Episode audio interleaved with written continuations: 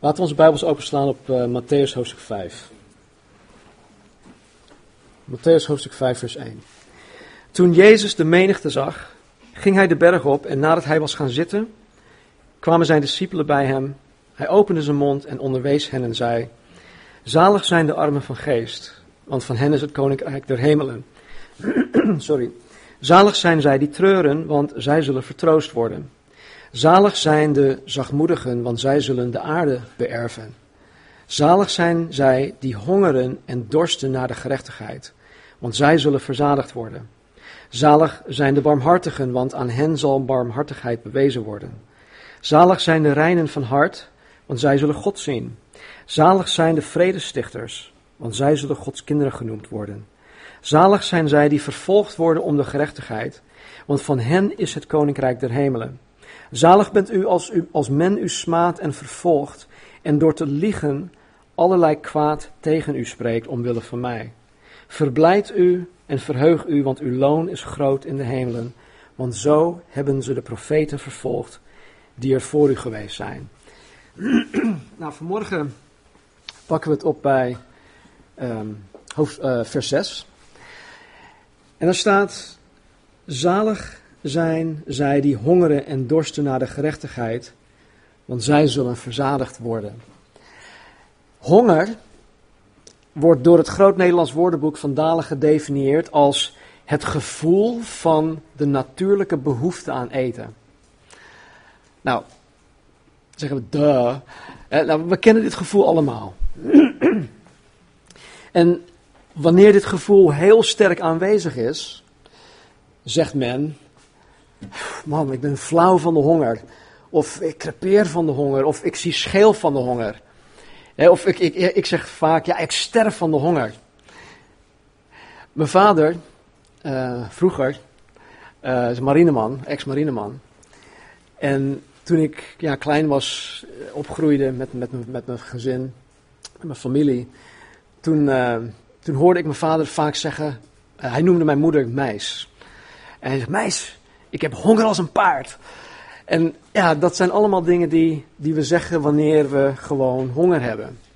Als Kobus hier was, dan zou hij zeggen van, nee, we hebben geen honger, we hebben trek. En mensen in Afrika, die hebben honger. Maar goed, als ik honger heb, dan heb ik gewoon honger en dan moet, moet ik ook direct eten. Want ik weet niet hoe jullie zijn, maar als ik honger heb, wat voor mij doen ook echt honger hebben is, dan wil ik niets anders doen. Het enige waar ik aan, aan, kan denken is dat ik, ik moet nu eten. Of ik moet hè, binnen een kwartier of een half uur moet ik gewoon eten. Als ik s'avonds van mijn werk thuis kom en ik heb uh, de hele dag maar een paar boterhammen op, dan kom ik gewoon hongerig thuis. En het mooie ervan is, ik heb een geweldige vrouw thuis die, die voor ons kookt. En ik hoef eigenlijk alleen maar aan te schuiven als ik thuis kom. Nou, als, als dat niet het geval is, dan leid ik honger. Nee, dan, dan, dan, dan, ja, dan, dan moet, ik, moet ik even wachten. En weet je, als, als ik even moet wachten, als Marnie bijvoorbeeld een, een, een, ja, een andere dag heeft gehad dan normaal, dan kan ik er soms ook best wel chagrijnig van worden als ik niet uh, meteen te eten krijg. Ik weet niet of dat, dat herkenbaar is voor jullie, maar goed, ik, uh, ik ben daar eerlijk in. nou, dorst wordt, voor, wordt door Vandalen gedefinieerd als de lichamelijke behoefte aan drinken. En dit ook, uh, of ook dit gevoel kennen wij allemaal. Um, ik weet niet of dit, dit, interessant is, maar onze dorstdrang is trouwens sterker dan onze drang voor eten. Maar goed, deze vormen van honger en dorst hebben te maken met onze lichamelijke behoeften. Maar er is ook een vorm van honger en dorst die, totaal, of die, die met totaal iets anders te maken heeft. En hongeren en dorsten wordt vaak ook um, metaforisch, of hoe zeg je dat? Uh, niet letterlijk, maar figuurlijk gebruikt. En het betekent ook dat je een sterk verlangen hebt. Een sterk verlangen hebt om, om iets te krijgen of om iets te bereiken. Uh, en men zegt hiervan dat je naar iets smacht. Of dat je naar iets hunkert, of dat je naar iets snakt, of dat je, uh, je hongert en dorst naar iets. Het, het heeft te maken met, met begeerte. En Jezus zegt in deze vierde zaligspreking: Zalig zijn zij die hongeren en dorsten naar de gerechtigheid, want Zij zullen verzadigd worden. Goed, zoals ik in de eerste drie studies heb gezegd, heeft Jezus deze zaligsprekingen niet lukraak uitgesproken. Jezus heeft ze bewust in een logische volgorde voor ons neergezet. Nou, we gaan niet helemaal terug naar de eerste drie, maar om, om even terug te blikken naar, naar deze zaligspreking wil ik iets citeren van een uh, zekere Martin Lloyd Jones. En hij zegt dit. We hebben naar onze volkomen machteloosheid en zwakheid gekeken. dat is het arm van geest zijn. Naar onze volslagen armoede van geest, ons geestelijk bankroet. En door zo naar onszelf te zien, hebben we de zonde in ons ontdekt. De zonde die Gods volmaakte schepping van de mens schaadt. Daarna hebben we de betekenis van zachtmoedigheid en alles wat ze vertegenwoordigt ontdekt. We zijn voortdurend bezig geweest met het vreselijk probleem van het eigen ik. Het eigen belang, de zelfinteresse en de onafhankelijkheid die onze ellende veroorzaakt en die de uiteindelijke oorzaak is van oorlogen. Of dat nu tussen landen of individuen is, dat egoïsme, die zelfzuchtigheid die zich in het eigen ik nestelt en het ik tot God maakt. Dat vreselijke iets dat de uiteindelijke oorzaak is van alle ongeluk. En we hebben gezien dat de christen iemand is die daarover weeklaagt, die dit haat en betreurt. Nu, in vers um, is het 6 of 5? 6. Slaan we een nieuwe weg in en gaan zoeken naar de oplossing. Naar de verlossing van het eigen ik, waar we naar verlangen. Nou, de oplossing vinden wij in dit. Zalig zijn zij die hongeren en dorsten naar de gerechtigheid, want zij zullen verzadigd worden. Ongelovige mensen in onze westerse beschaving hongeren en dorsten niet naar de gerechtigheid. Zij hongeren en dorsten naar het zalig zijn. Het allerbelangrijkste in het leven van de doorsnee mens in onze samenleving is het gelukkig zijn. Toch? Waarom wil, waarom wil iemand uh, de loterij winnen? Omdat ze denken dat dat hun gelukkig gaat maken. En enzovoort, enzovoort. Er zijn allerlei dingen. Waarom doen mensen dit? Nou, uiteindelijk is het omdat men gelukkig wil zijn. Nou, daar is op zich niets mis mee. Want God wil ook dat wij gelukkig zijn. Maar het ieder die hunkert, die smacht naar geluk, zal het in de grootste zin van het woord niet vinden. Want Jezus zei niet, zalig zijn zij die hongeren en dorsten naar de zaligheid. Nee, Jezus zegt, zalig zijn zij die hongeren en dorsten naar de gerechtigheid. Men hunkert naar geluk. En tracht geluk te vinden in een, in een relatie of in meerdere relaties. Maar vroeg of laat komen ze erachter dat het toch niet gaat zoals ze het in eerste instantie hadden gedacht. Weggeluk. Of men tracht geluk te vinden in zijn of haar carrière. Maar ook hierin zullen zij er vroeg of laat achter komen dat blijvend geluk niet te vinden is in een loopbaan. Weggeluk. Uh, men tracht geluk te vinden in, in uh, bijvoorbeeld extreme dit of extreme dat. Er zijn tegenwoordig heel veel programma's, extreme dit, extreme dat. Nou, elke keer wanneer een, een, een, een, ja, van die, die waaghalzen zichzelf of misschien een ander heeft overtroffen in een of ander extreem ding, dan beleven zij op dat moment een soort van extase. En ze zijn dolgelukkig op dat moment. Maar voordat ze het weten, moeten ze zichzelf weer overtreffen om dezelfde kick te krijgen. Anders is het weer weg, geluk. Nou, men tracht ook geluk te vinden in roem. En zolang ze op de top 3 lijst staan, of zolang de kijkcijfers goed zijn, of zolang ze in de smaak vallen bij de critici, of zolang ze nog zeg maar hot zijn, dan zijn ze zogenaamd gelukkig. Maar weet je, roem is tijdelijk. En op het moment dat een ander op de nummer 1, 2 of 3 plek staat, dan is je geluk weg. Nou, helaas geldt het niet alleen voor de ongelovige wereld om ons heen, maar ook in de kerk hongeren en dorsten mensen naar geluk. Ik draai nu zo'n 21 jaar mee in het christendom. En persoonlijk zie ik te veel mensen in de kerk die zich alleen maar bezighouden met het najagen van geluk in dit leven. En sommigen zijn nog zo wereldsgezind en, en, en, en, en jagen het geluk na op dezelfde manier dat de wereld het geluk najaagt. Het enige verschil is dat zij zich dan christen noemen.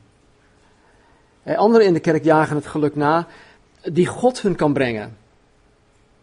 Deze hongeren en dorsten naar wat God voor hun kan doen. Ze hongeren en dorsten naar wat God voor hun kan betekenen. En ze claimen voorspoed, ze claimen welvaart en zien God als een soort van talisman. Hij, hij kan dit voor mij doen, hij kan dat voor mij doen. Er is een hele beweging eh, dat zich bezighoudt met welvaartsprediking. Maar daar gaat het niet om. Zo werkt het niet, want Jezus zegt zelf in Matthäus 6:33: zoek eerst het koninkrijk van God en zijn gerechtigheid. En al deze dingen zullen u erbij gegeven worden.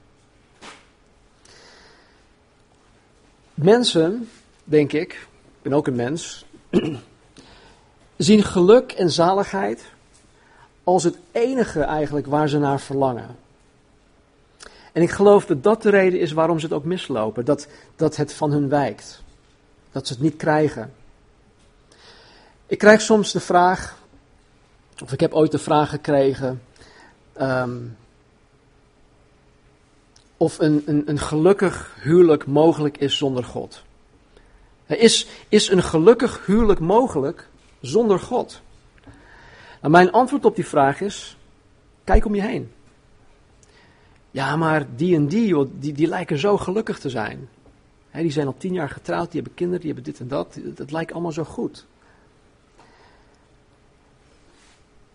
Als je mensen, of gehuurde mensen ziet, die niet hongeren en dorsten naar de gerechtigheid, die zijn dan misschien op het eerste gezicht of heel oppervlakkig gezien wel gelukkig, maar ze zijn niet dolgelukkig, zoals God het bedoeld heeft. En weet je, ik spreek met genoeg mensen die van de buitenkant of naar de buitenwereld toe heel gelukkig zijn. Maar als je even doorvraagt, of als je even die, die laagjes afpelt, dan kom je tot, het kern van tot, tot de kern van het verhaal en dan zie je gewoon dat ze toch niet gelukkig zijn. Mensen begrijpen niet dat de zaligsprekingen van Jezus de weg is naar het zalig zijn, naar het dolgelukkig zijn. En ze begrijpen vooral niet dat als zij geluk op de plaats van gerechtigheid zetten, zij nooit het geluk zullen gaan verkrijgen. Nou, het is voor mij uh, ja, overduidelijk dat de ongelovige wereld verstrikt is geraakt in deze, in deze dwaling.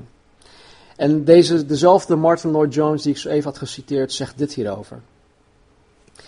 Denk bijvoorbeeld aan een mens of eens aan een man die aan een of andere pijnlijke ziekte lijdt. Meestal is het enige verlangen van zo'n patiënt om van zijn pijn verlost te worden. En dat is ook heel begrijpelijk. Niemand vindt het leuk om pijn te lijden. Daarom zal deze patiënt maar één gedachte hebben. Hij zal alles doen om ervan verlost te worden. Ja, maar als de dokter die voor de patiënt zorgt slechts tracht, slechts tracht hem van zijn pijn te verlossen, is hij een slechte arts. Zijn voornaamste plicht is te ontdekken wat de pijn veroorzaakt en die oorzaak eerst te behandelen. Pijn is een prachtig symptoom dat door de natuur voortgebracht wordt om de aandacht op de ziekte te vestigen. En uiteindelijk zal de behandeling van de pijn moeten bestaan uit de behandeling van de ziekte en niet van de pijn.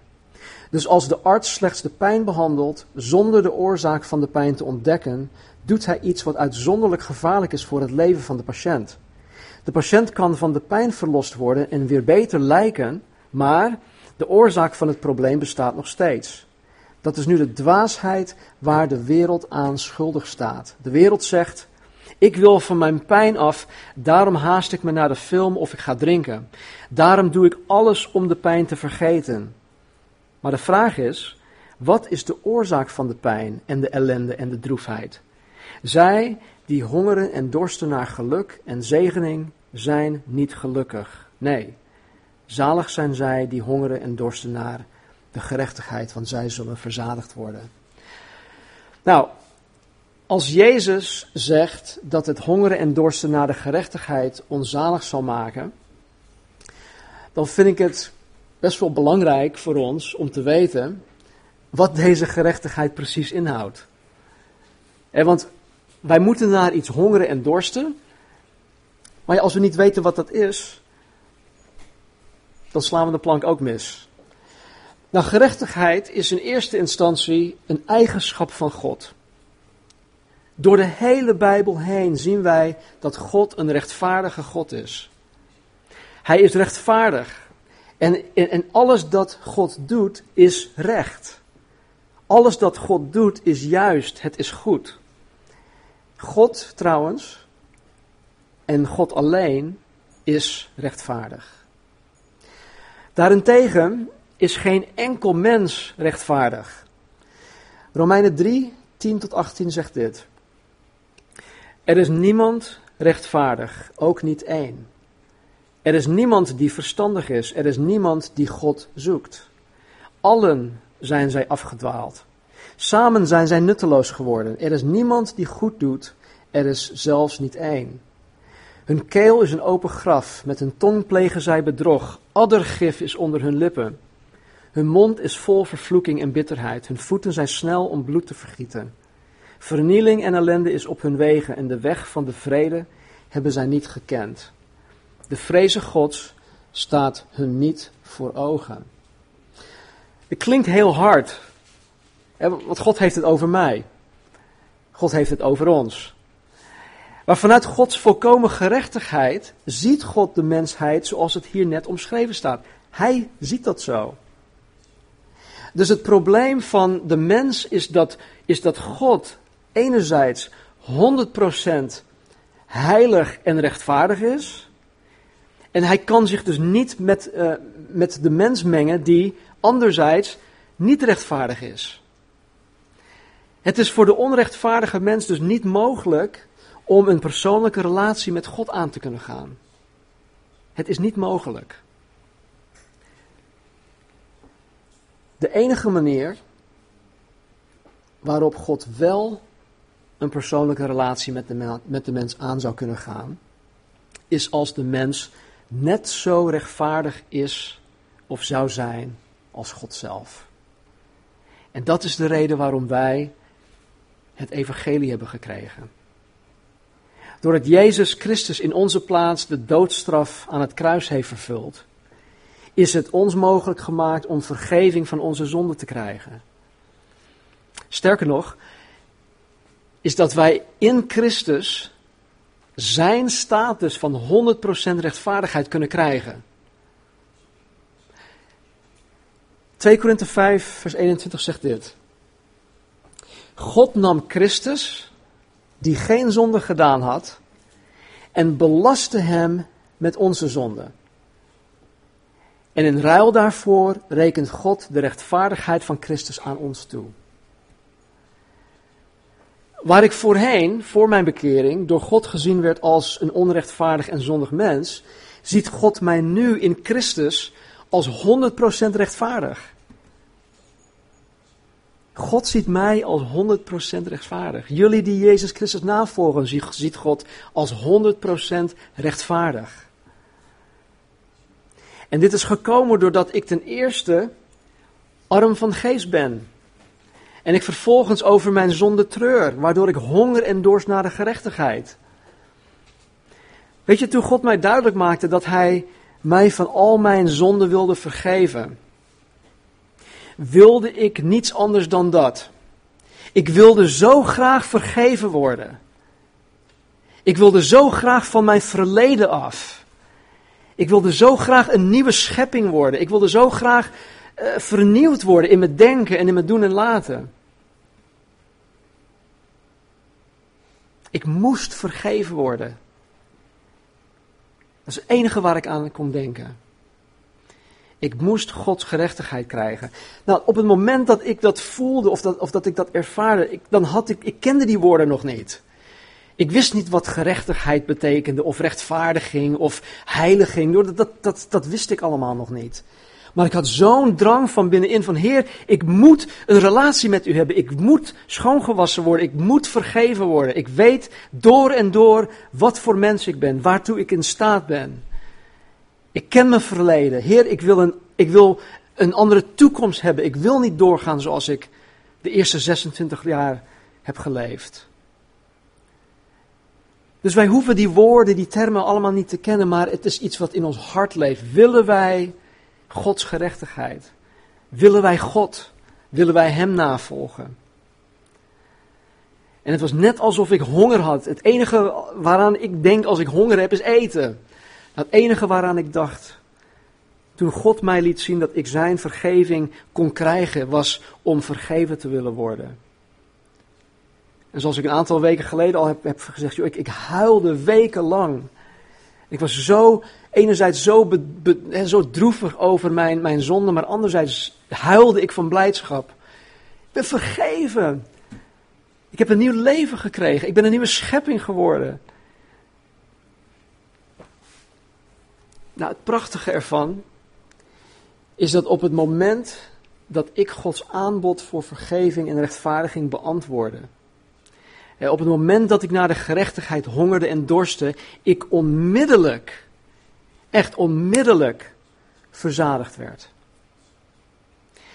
En niet alleen verzadigd, maar ook zalig. Ik zei, ik huilde aan de, aan de ene kant door de droefheid, maar ik, ik huilde ook van blijdschap. Vraag aan Kobus zijn, zijn bekeringsverhaal.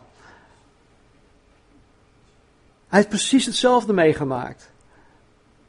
Wij zijn witter dan de sneeuw gemaakt. We zijn niet alleen verzadigd, maar ook zalig. Weet je, ik werd onmiddellijk dolgelukkig omdat mijn zonden mij niet langer toegerekend werden. En niet alleen was ik um, um, ja, justified. Gerechtvaardigd. En niet alleen was, was mijn schuld weggenomen, maar ook alle schuldgevoelens. Ik weet niet hoe jullie dat ervaren, maar als je een schuldgevoel hebt, dat kan zo ontzettend zwaar op je wegen. En Jezus neemt niet alleen de schuld weg, hij neemt je schuldgevoelens weg. Ik ben vergeven, ik ben gerechtvaardigd, ik ben zalig, ik ben verzadigd. En dit gebeurde met mij in september 1990. Maar weet je, daar bleef het niet bij. Het hongeren en dorsten naar gerechtigheid is niet alleen iets dat onmiddellijk verzadigd wordt bij de, bij de wedergeboorte, maar het is ook iets dat de wedergeboren christen vervolgens continu zal ervaren. Want alhoewel wij op het moment van wedergeboorte positioneel 100% rechtvaardig worden verklaard, hebben wij nog steeds te maken met onze zondige natuur. He, ons zondige natuur die wij dagelijks met ons meeslepen. De Bijbel noemt dit het vlees. En het vlees, weet je, het vlees zal nooit veranderen. Wij denken wel, nou joh, als ik, als ik mijn best doe, hè, of als ik um, vastberaden ben, of als ik besluit om, om dit te gaan doen, dat, dan denken wij vaak dat ons vlees verandert, dat wij veranderen, dat ons vlees verandert. Maar het vlees zal nooit beter worden. Af en toe, hè, dan, dan, dan denk ik van, oh joh, dat heb ik jarenlang geleden al achter me gelaten. En ineens, in een moment van zwakheid, laat God het gewoon toe dat het weer in me opkomt. Waardoor ik denk van, Jongen, jongen, wat, wat, wat, wat gebeurt er nu? Ik dacht dat ik daar jaren geleden al vanaf was. En dan herinnert God mij aan het feit dat, nee, hallo Stan, je wordt wel veranderd, je bent veranderd, maar het stinkende vlees van jou, dat is nog steeds hetzelfde. Het zal nooit veranderen. Nou, wat wel verandert, is dat onze geest, die bij de wedergeboorte tot leven is gekomen, direct in verbinding staat met God. En het is de Heilige Geest en Gods Woord dat ons doet veranderen. Gods Geest die in mij woont, verandert mij.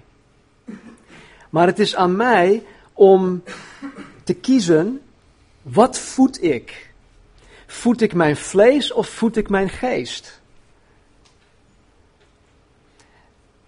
Er werd ooit een man gevraagd die uh, gevechtshonden fokte. En een hele simpele vraag was, joh, welke, welke van deze twee honden is het sterkst? Hij zegt, degene die ik het meest voed.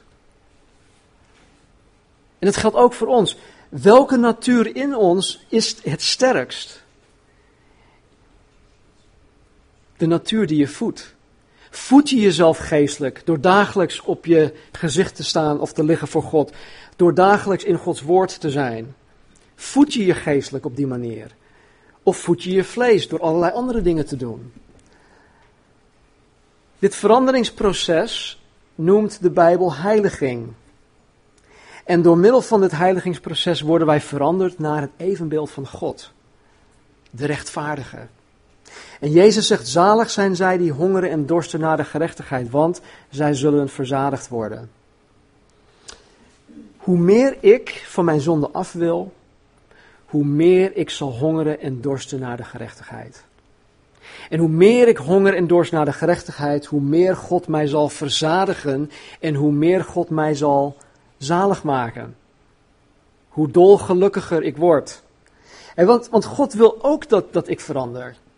Het is niet alleen ik dat. Nee, het is Gods wil in mij die mij doet willen om te veranderen.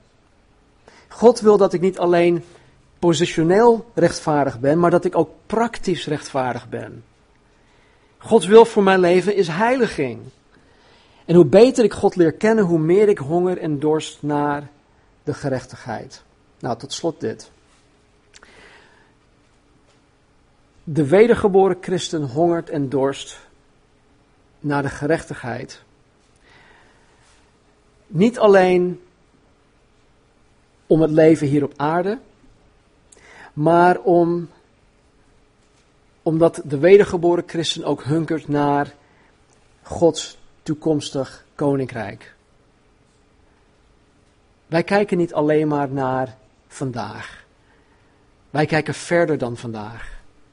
En wij hebben een geweldige toekomst. In 2 Petrus 3, 13 en 14 staat dit. Wij verwachten, wij, de wij, dat duidt op wij, ons christenen, wij verwachten overeenkomstig Gods belofte nieuwe hemelen en een nieuwe aarde, waar gerechtigheid woont. Wij verwachten overeenkomstig zijn belofte nieuwe hemelen en een nieuwe aarde waar gerechtigheid woont. Daarom, geliefde, terwijl u deze dingen verwacht, beijver u om onbevlekt en smetteloos door hem bevonden te worden in vrede. Het hongeren en dorsten naar de gerechtigheid in dit leven en in het toekomstig koninkrijk heeft voor de christen een zuiverend effect. Het is bepalend voor hoe wij als christenen in ons dagelijks leven staan en gaan. Het is bepalend voor ons doen en laten. En het is bepalend voor ons gelukgehalte. Hoe gelukkig zijn wij? Hoe zalig zijn wij? Jezus zegt: Zalig zijn zij die hongeren en dorsten naar de gerechtigheid, want zij zullen verzadigd worden. Weet je, om, om verzadigd te zijn, is zo'n heerlijk gevoel. Vooral als je de momenten daarvoor eh, flauw viel van de honger. Ik wil zo meteen even een foto laten zien. Maar ik, ik hou van tijd tot tijd um, van een heerlijk medium rare gebakken of gegrilde rap, uh, lap ribeye. Uh, je mag hem laten zien als je wil.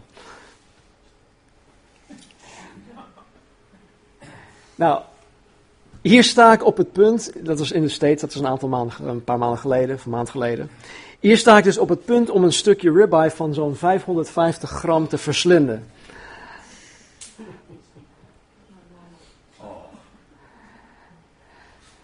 Ik heb het opgemaakt.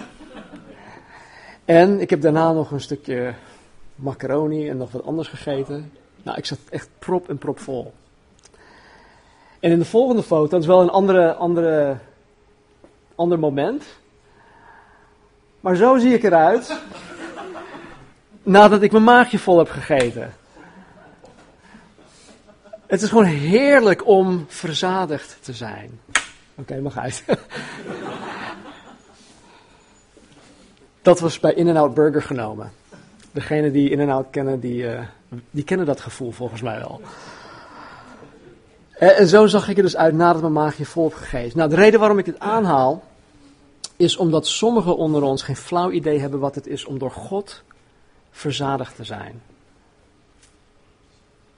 Dus de vraag van mij, of aan jullie vanmorgen is, honger je en dorst je naar de gerechtigheid? Als dat tot op dit moment niet zo, niet zo is geweest, dan kan het vanaf dit moment wel zo zijn. En als, dat zo wel, als het wel zo is, dan belooft God je dat, dat Hij je zal verzadigen.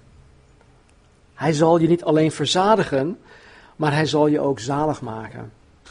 Hij zal je dolgelukkig maken.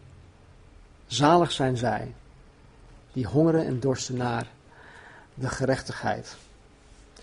Nou, vanmorgen vieren wij het heilige avondmaal, waarin wij de kruisiging van onze Heer Jezus Christus herdenken. Is Jezus Christus Heer van je leven? Dan is het heilig avondmaal voor jou. Is Jezus dit niet, dan is het nuttige van het heilig avondmaal niet voor jou. Want door het heilig avondmaal te nuttigen verklaar je daarmee dat je deelnemer bent aan het lichaam van Jezus Christus. Dat je deelnemer bent aan zijn heil, zijn redding, zijn vergeving, zijn rechtvaardiging. En niet alleen dat, maar dat je ook rijkhalzend verlangt naar zijn terugkomst. De tijdperk van zijn gerechtigheid. Man, ik hunker naar dat moment. Weet je, ik zie zoveel onrecht om me heen. De gesprekken die ik vaak met, met ongelovige mensen voer, is dat ze niet tegen onrecht kunnen. Het maakt hen boos, het maakt hen razend boos. En als, ze, als onrecht gebeurt of als iemand onrechtvaardig handelt, dan kunnen ze best de boel helemaal kort en klein slaan. Zo boos maken mensen zich over onrecht. Nou, hunker dan naar de gerechtigheid. Het is voor een ieder. Het is voor een ieder toegankelijk. En vanmorgen wil ik je uitnodigen om een keus te maken. Een keus om te hongeren en dorsten naar de gerechtigheid. En want in ieder van ons, hoe je het ook wendt of keert, hongert en dorst naar iets. En wat dat ook is, als het niet de gerechtigheid is, dan zal je nooit geluk vinden. Misschien klinkt dat heel kort door de bocht, of heel zwart-wit. Ik heb het niet gezegd. Het staat in de Bijbel. Als het niet de gerechtigheid is waar je naar hongert of dorst, dan zal je nooit het geluk vinden. Dan zal je ook nooit verzadigd zijn. Dus misschien moet je vanmorgen voor het eerst de keus maken om te hongeren en dorsten naar de gerechtigheid. Misschien is het voor jou de allereerste keer dat je dit doet. Of misschien moet je die keus opnieuw maken. Misschien heb je ooit in het grijs verleden gezegd van Heer, ik wil mijn leven aan u geven, ik wil, ik wil u navolgen. Maar door het leven, de moeilijkheden, alle rompslomp van het leven, heb je, ja, is, is, is dat verwaterd geraakt. En misschien moet je gewoon die keus vanmorgen opnieuw maken. Of misschien wil je vanmorgen, zoals het hoort, gewoon de keus voor vandaag maken. Want wij horen die keus elke dag te maken. Ik moet die keus zelfs van moment tot moment maken. Nou, wie je ook bent en hoe je vanmorgen ook kiest, maak alsjeblieft de keus. Want als je zegt van, joh, nou, ik, ik, ik wil die keus misschien ooit wel een keer maken, maar ja, vandaag maak ik die keus niet. Nou, als je niet kiest, dan heb je toch gekozen.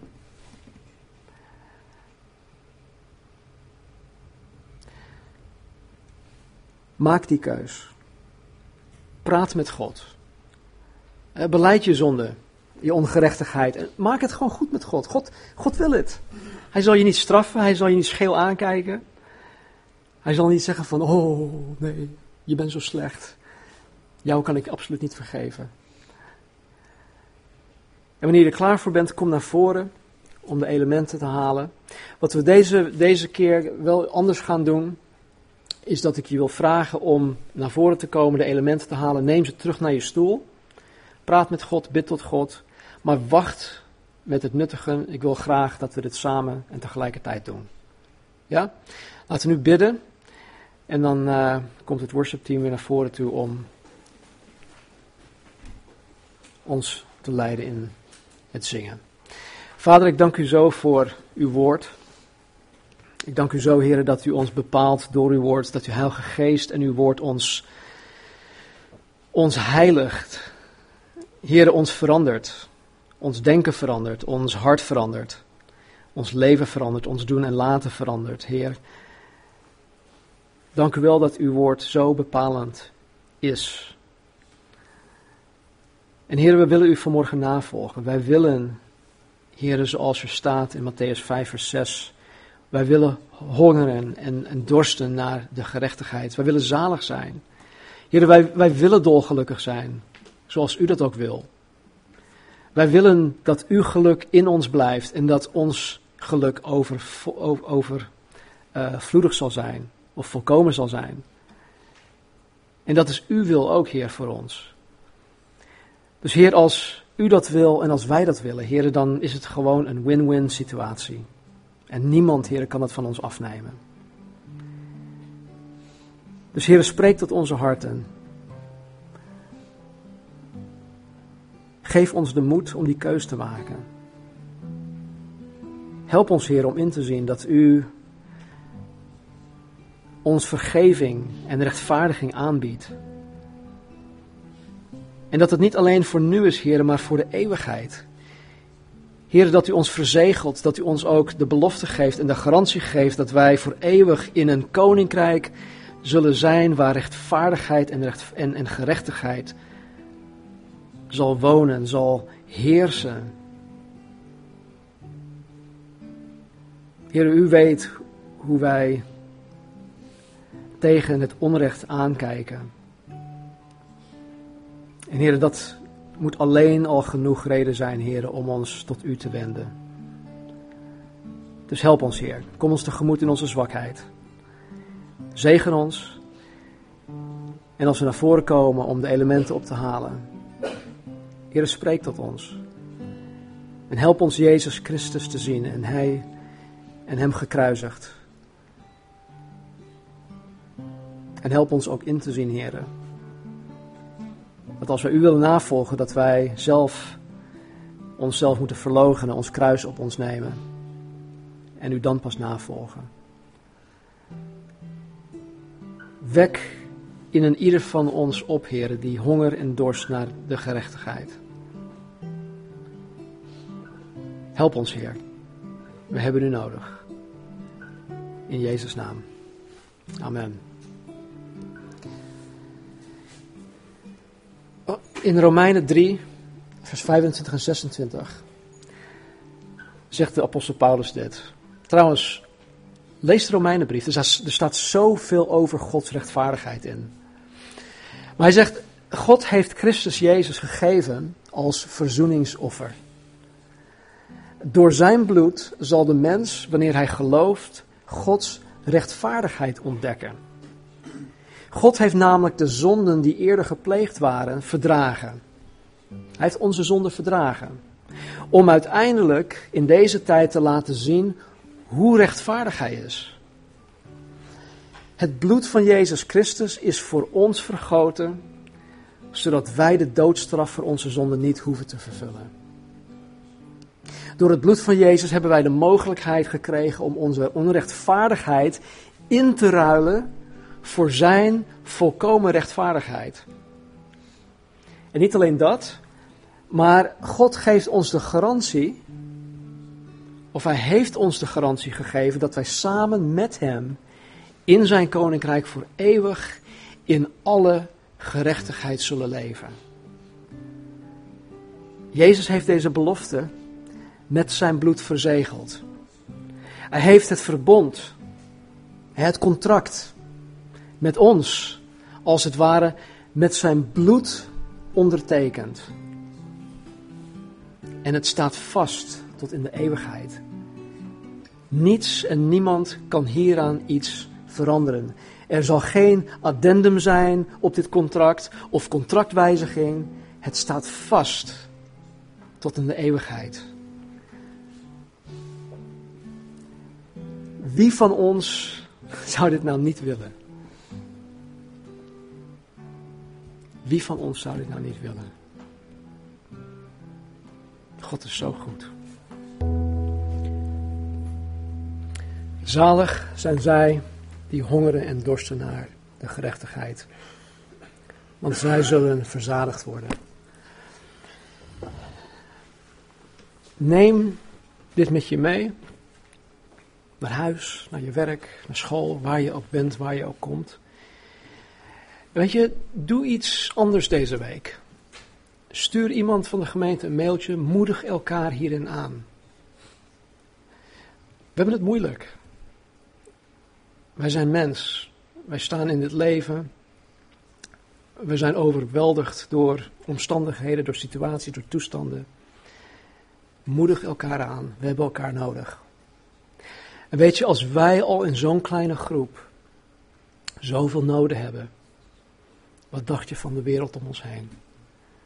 Er is zoveel nood. Dus wees gezegend, wees een zegen voor elkaar, houd van elkaar en verheerlijk de Almachtige God. Amen.